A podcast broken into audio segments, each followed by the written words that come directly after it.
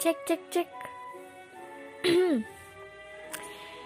kisah saya dari awal sampai kisah yang akan diceritakan di episode Izan terakhir ini adalah kejadian tahun 2020 lalu. Tahun yang luar biasa menurutku karena bisa mengenal Izan lebih jauh. Desember 2020 itu saya mengalaminya dan ya setahun kemudian saya membagikan kisahnya pada kalian. Sama sekali tidak ada di pikiran saya untuk menjadikan Izan sebagai orang yang dibenci pendengar saya. Karena kisahnya itu, saya tidak bermaksud ke sana. Saya hanya ingin membagikan kisah saya bersama Izan yang sayang jika terlupakan begitu saja dan tidak saya simpan dalam bentuk yang luar biasa. Saya jadikanlah podcast karena kisah Izan untuk saya adalah luar biasa. Saya mencintai Izan sebagaimana alur cerita saya dari awal hingga cerita di episode ini. Maka, jika sesekali saya merindukannya kembali, Mungkin saya akan dengan mudah memutarnya di playlist. Tidak usah sampai ingin bertemu dengan Izan lagi. Mudah-mudahan.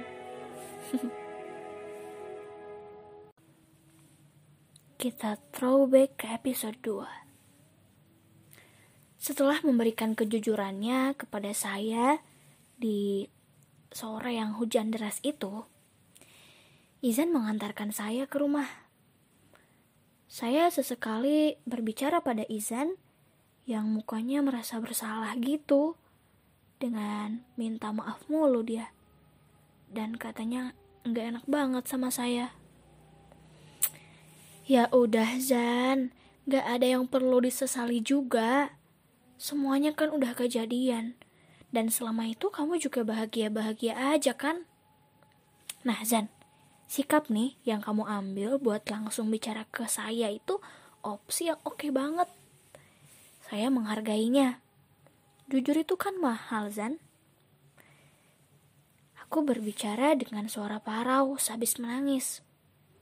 Ah, bisa-bisanya saya malah berbicara lancar kepada Izan sambil meyakinkan dia kalau saya sebenarnya nggak apa-apa dan lega juga karena memang sudah tahu kebenarannya.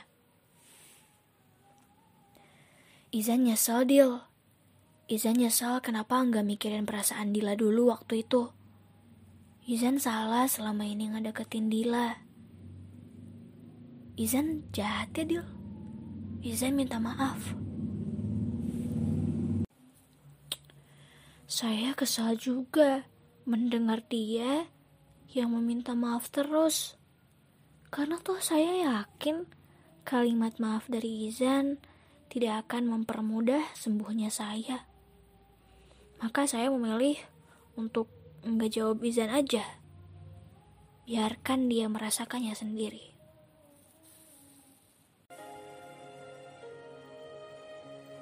Hingga sampai rumah, saya tidak merasakan sedikit pun sakit hati.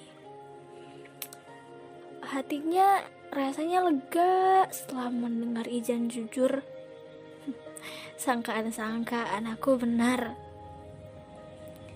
Setelah mengantarkan saya, Izan menyempatkan masuk ke rumah dulu. Malah, ia tertidur pulas di kursi depan. Saya duduk di sampingnya dan memainkan jarinya terlebih dahulu.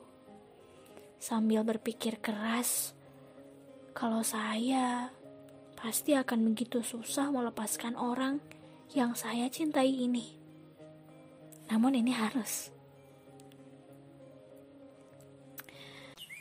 Hingga bertemu di keesokan harinya, saya merasakan perasaan sendiri yang begitu aneh. Rasanya sakit hati mengetahui jika Aizen kini memang sudah merubah prioritasnya. Sekarang saya tahu Izan ke mana jika tidak ada. Kini saya tahu, saya harus melepaskan Izan. Selang beberapa hari, dari murungnya saya di rumah setelah kejadian itu, saya bicara pada mama kalau Mah, kayaknya Dila harus ke Bandung deh. Males di sini terus. Takut terus-terusan keinget Izan. Ya di Bandung juga kayaknya akan ingat sih. Tapi seenggaknya Dila nggak akan was-was kalau ketemu Izan di jalan. Boleh ya, Ma. Seminggu aja deh. Di rumah Bibi sama Om. Sambil nengokin kucing-kucing. Boleh ya. Mama yang sedang sibuk pak pikpuk di dapur menjawab kalau katanya ya boleh aja kalau mama. Sok-sok aja. Tapi kamu di Bandung jangan malu-maluin Dil. Jangan nangis mulu. Sana aja. Cari lagi orang Bandung. Ih main nyari-nyari aja. Nih ya Maya, hati Dila belum kelar sayangnya sama Izan. Diem ah. Eh, ya udah tuh sok gimana Dila aja. Nanti deh mama deh cerita deh ke papa. Siapa tahu kamu diizinin.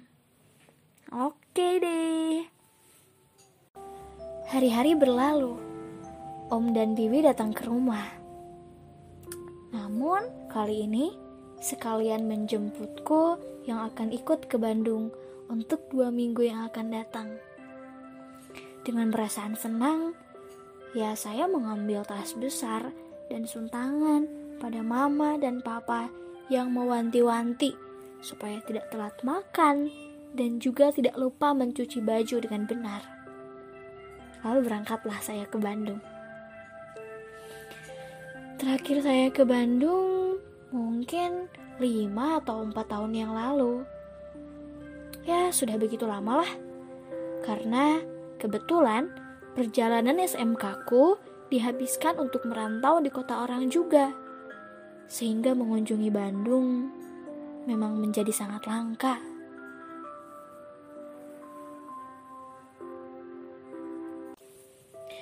Sebagai anak remaja kampung, Aduh, saya sangat kagum melihat keindahan kota Bandung di malam hari. Atau mungkin orang Bandung pun masih merasa kagum ya dengan Bandungnya. Entahlah.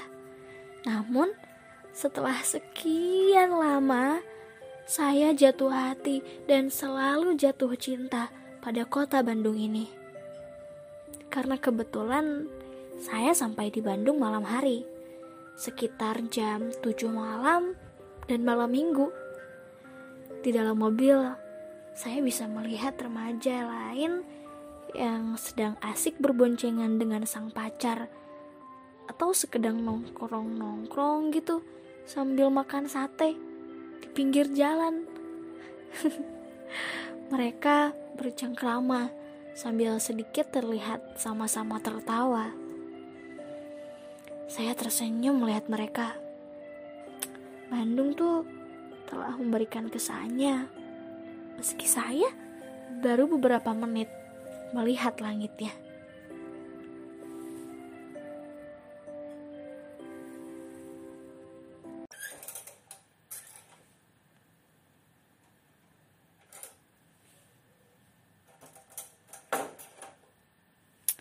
Sampailah saya di rumah bibi dan om yang saya rindukan. Lalu bertemu kucing-kucing dan menyiapkan diri untuk hari esok yang akan menyenangkan. Kadang sesekali saya teringat Izan, namun segera dihalau dengan perasaan senang karena sedang di Bandung. Bibi dan om saya adalah seorang pekerja. Mereka pegawai kantoran. Om tinggal di Bandung, namun tempat kerjanya sementara pindah ke Bogor. Hanya ada Om ketika weekend datang, Jumat, Sabtu, Minggu. Sedangkan Bibi bekerja di Bandung, yang katanya tidak jauh dari perumahan yang sedang ditempati. Namun ia berangkat pukul setengah delapan dan pulang jam lima sore. Ya itu berarti saya banyak menghabiskan waktu saya sendirian di rumah bibi. Hari-hari menyenangkan. Pekerjaan saya dari pagi di antaranya sarapan bersama bibi, memutar playlist lagu di Spotify, menyapu, atau mencuci baju. Setelah itu mandi dan menonton serial Netflix yang berseri-seri sampai habis. Tidak memikirkan apa pun selain makan apa nanti siang atau berapa kulak ya nasi yang harus saya masak untuk diri sendiri. Ya begitulah seterusnya. Bahkan sangat sayang jika pagi-pagi saya tidak menyempatkan untuk memeluk dan mengelus 12 ekor kucing di kandang rumah bibi. Setelah itu, biasanya sore harinya saya bersepeda melewati jalan-jalan Kiara Condong yang masih banyak pohon besar di kanan kiri. Biasanya, usai sholat asar, saya berpakaian rapi untuk berjalan-jalan dan jajan sore. Sendirian, bersepeda di Bandung. Dengan headset yang terpasang rapi, lalu memutar playlist lagu-lagu yang Bandung banget. Saya menikmati hari-hari di Bandung, sendirian, menghabiskan waktu untuk diriku sendiri, berpikir jernih, dan mau mulai menerima hal-hal yang sudah terjadi pada saya. Saya harus melanjutkan hidup saya yang baik-baik saja ini tanpa bayang-bayang izin di kepala. Saya mungkin hanya butuh waktu dan yakin semuanya itu adalah proses saya akan dan harus melupakan dia. Tapi mungkin saya butuh bersantai dahulu. Tidak langsung. Ya, seperti yang saya lakukan di Bandung ini. Upaya untuk melupakan Izan.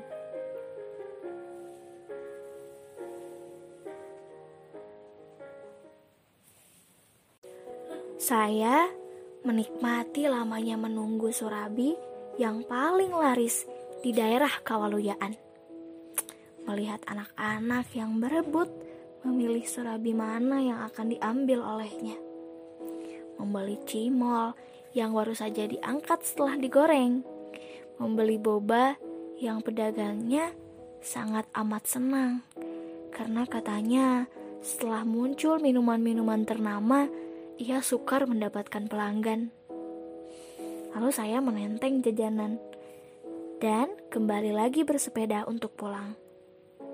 Dengan perasaan senang, karena saya bisa merasakan perasaan yang tidak biasa dan dilakukan sendiri.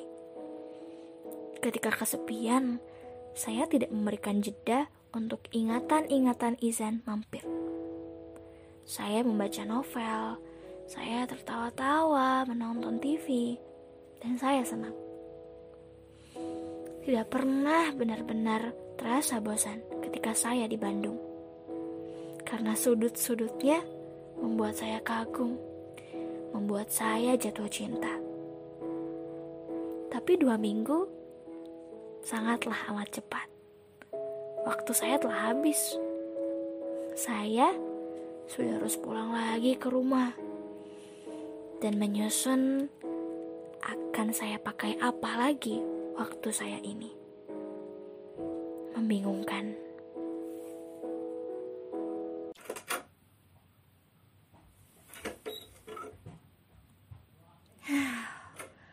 Melalui bulan demi bulan, menggeluti pekerjaan yang sebenarnya membuat saya muak sendiri. Dan perasaan yang semakin campur aduk ketika tidak sengaja melihat Izan yang membagikan momennya di media sosial bersama teman-temannya. Izan terlihat bahagia. Perjalanan saya pun tidak luput dari kedekatan saya dengan lelaki lain yang membuat saya nyaman. Meski isi hati saya dan dunia saya masih tentang Izan. Si Izan, tokoh yang melegenda yang bisa membuatku senang walau hanya dengan menuliskannya. Izan membuat saya ragu dengan membuat orang baru dalam hidup saya kena cipratannya juga. Orang baru yang hadir dalam cerita-cerita saya memilih pergi. Hampir satu tahun saya tidak pernah mendapat kabar lagi dari dia. Hanya melihatnya dari jauh. Izan tuh manusia aneh.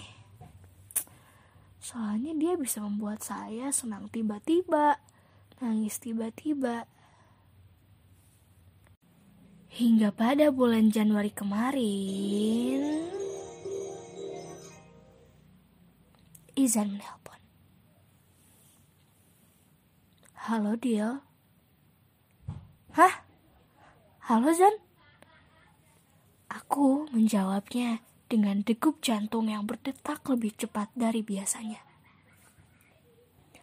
Halo Dila, lagi di mana? Di rumah enggak? Dengan nafas yang terdengar buru-buru. Ada apa Zan? Kenapa? Iya, saya di rumah. Kamu baik-baik aja kan? Ada apa? Tanya saya yang ikut cemas mendengar suara Izan. Izan ke rumah kamu sekarang. Tungguin. Jiwa saya yang masih setengah sadar karena baru bangun tidur terkaget-kaget. Saya menghela nafas panjang, mengambil minum, dan kembali ke kamar. Lalu, menganggap telepon dari Izan adalah bagian dari mimpi saya. Kala itu, kota kami sedang semua padam listrik. Katanya ada perbaikan, sehingga seluruh rumah gelap. Hanya ada sedikit cahaya dari langit yang sebenarnya memang sudah abu-abu. Saya duduk di kamar setelah minum. Namun tidak lama,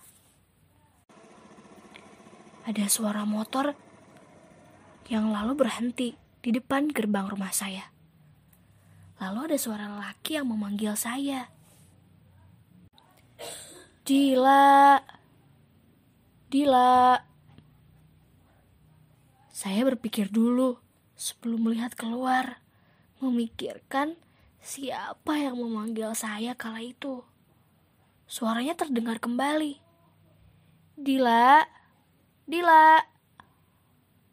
Ya, itu suara Izan. Gila. Saya langsung deg-degan dan bergegas memakai rok, juga memakai atasan mukena berwarna ungu itu. Tidak peduli bagaimana kondisi wajah, saya segera menghampiri Izan yang sudah menunggu saya membuka pintu. Hai Dil, Aduh, Izan. Kirain bohongan tadi. Sini-sini masuk. Segera saya persilahkan masuk karena cuaca di luar sedang mendung. Seperti akan ada hujan besar. Assalamualaikum rumah Dila. Waalaikumsalam, Mas Izan. Lama ya tidak bersua. Sebentar, saya ambil minum dulu. Tapi maaf kalau adanya air dingin. Gak apa-apa, Dil. Setelah membawakan Izan minum, saya melihat Izan dari atas sampai bawah. Lalu menanyakan apa maksud dan tujuannya dia tiba-tiba ke rumah. Gini, Dil. Izan lagi WFH kan?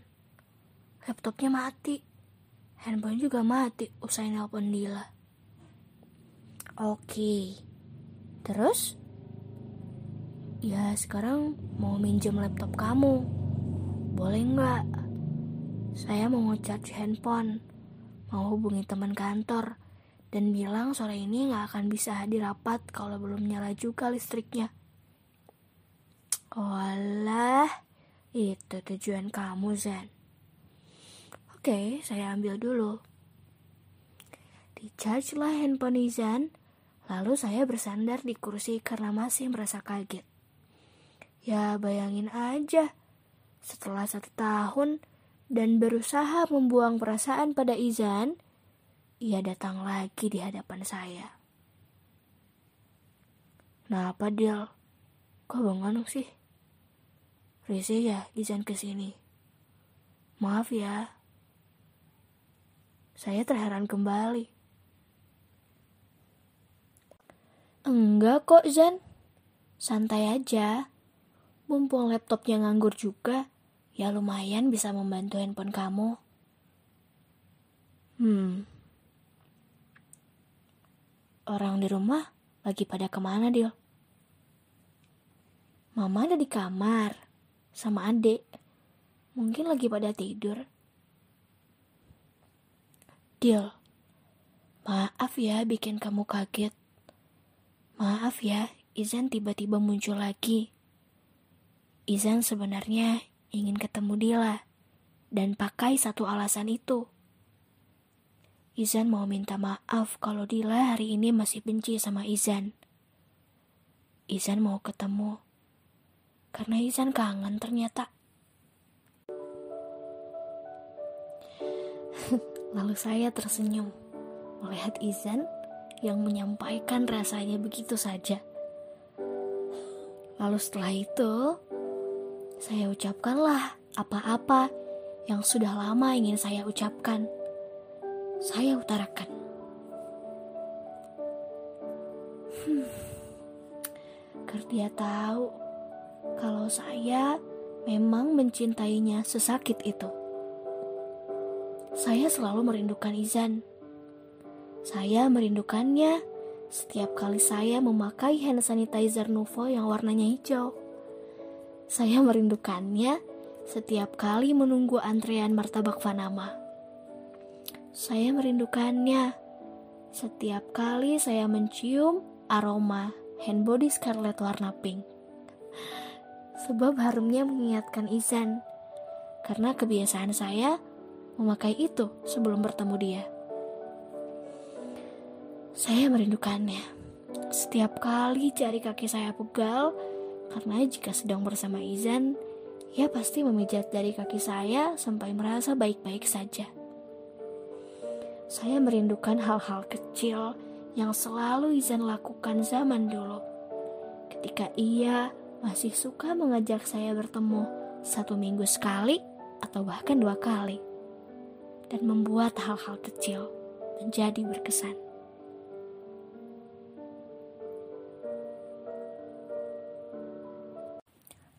Lampu di rumah mulai menyala.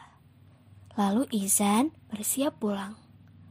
Dan Izan memegang tanganku seraya mengusapnya dengan lembut. Doakan Izan biar jadi lelaki yang gak bikin perempuan sakit hati lagi sama sikap Izan ya. Izan juga doakan Dila. Semoga dapat lelaki yang benar-benar cinta ke Dila. Dan Dila pun sama. Kalau Dila nikah duluan, undang-undang Izan ya. Saya memegang tangan Izan kembali. Iya Zan, nanti saya undang kamu kalau nikah. Kamu bawa pasangan ya nanti? Ntar kita difoto deh berempat saya mau tempel deh di album.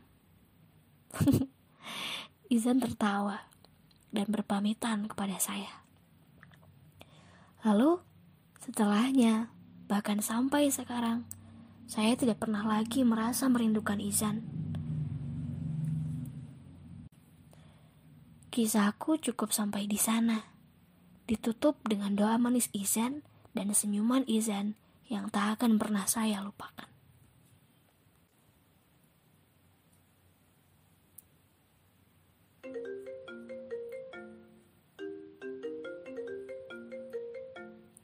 Halo, Assalamualaikum Dila. Halo Izan, Waalaikumsalam. Ada apa nih? Ada apa nih? Lagi di mana Dil? Sibuk gak? Sorenya cerah ya? Jalan-jalan yuk.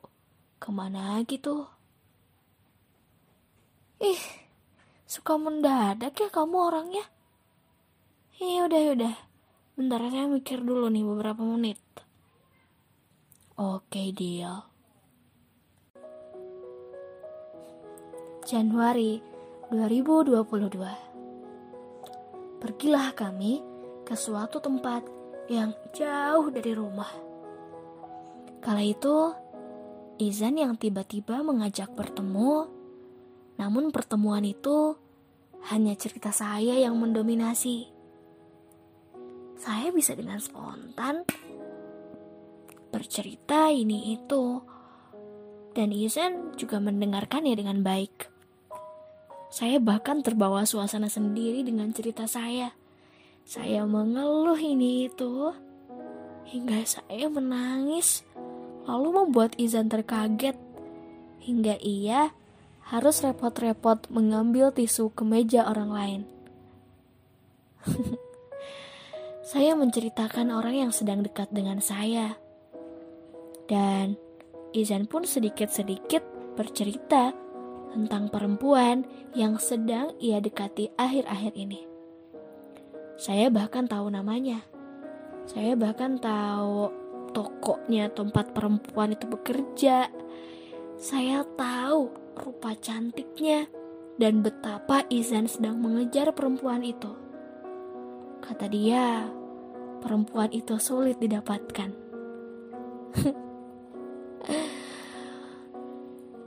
Kami hidup di zaman sekarang. Saya mau berusaha mengerti dan bahkan keren juga sih bisa dengan bebas menceritakan kehidupan kami masing-masing. Saya bisa nyaman bercerita laki-laki lain padanya. Ia pun bisa dengan bebas bercerita perempuannya kali ini pada saya, tanpa ada perasaan sakit hati dan lain sebagainya. Mungkin saya selalu menikmatinya jika itu masih berkaitan dengan Isen. Maka saya putuskan untuk menyelesaikan kisah ini. Namun kami tidak pernah tahu naskah-naskah yang telah Tuhan tetapkan di cerita saya. Apakah nanti masih ada izannya atau tidak? Namun ke mana pun saya pergi, sebanyak apa pun cerita yang akan saya tulis, kalimat selesai tidak pernah tersampaikan. Karena Izan tahu cara menemukanku dan tetap saja Izan masih memiliki rasa kasih sayang saya. Teman-teman, kupikir cinta bisa mengubah hidup seseorang, mengubah cara pandangnya terhadap sesuatu. Meski cinta itu datang dalam bentuk patah hati, namun meski begitu, ia tetap cinta dan perasaan sakit itu juga yang membangunku sampai hari ini. Si sayang kemarin singgah, terima kasih. Saya lega, meski tetap suka. Kesimpulannya, gak usah maksain untuk melepas, membenci, menghindar. Asikin aja, terimakan aja. Gak usah dilawan hal-hal yang di luar kuasa Episode ini saya tutup dengan judul selesai. Serta tidak lupa, saya ingin berterima kasih pada Izan yang sedari awal sudah setuju ceritanya diceritakan di sini. Mudah-mudahan Izan berbahagia selalu. Jika rindu, kita bertemu di platform yang ini ya. Saya akan membacakan puisi Theo. aku dan kesedihanku. Kami tak pernah bicara tentang dirimu, sebab pikiran kami ada keyakinan yang berbeda. Pada waktu aku yakin kau sayang padaku, kesedihan menggambar air mata untukku. Aku dan kesedihanku, seperti mimpi, awal pertemuan dan pertama kali kita hendak berpisah, ingin memelukmu dari punggung, tapi aku tak punya keberanian, dan perpisahan datang kemudian. Air mata diam-diam bukanlah kesedihan, atau pertengkaran-pertengkaran setelahnya bukanlah kesedihan. Kesedihan adalah aku yang tidak lagi begitu luas untuk mencintaimu secara utuh. Aku dan kesedihanku, kami tak pernah bicara tentang dirimu. Sebab kami masing-masing mengetahui ini. Kau sanggup meneguhkan setiap kebimbangan dengan perbuatan-perbuatan, bukan hanya dengan kata. Kamu adalah janji yang tidak terucap. Terima kasih, Izan. Sampai jumpa.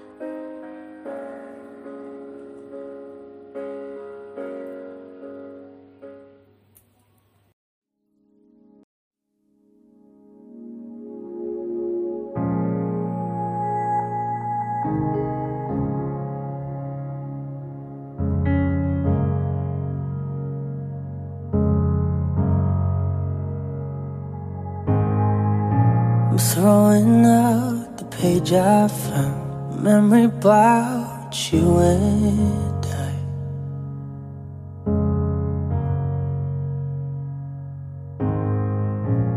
There's a time I dreamed about the place we'll go on a summer night.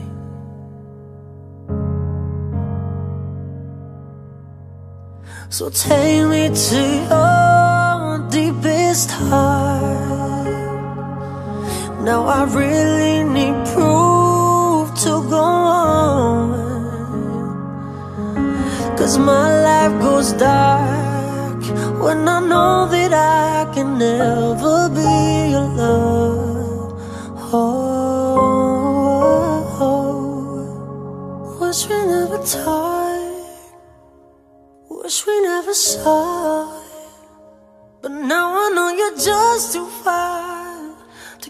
You with my arms. Wish I never met you. Wish I never touched your hand on the day I really thought you were the only one that I could ever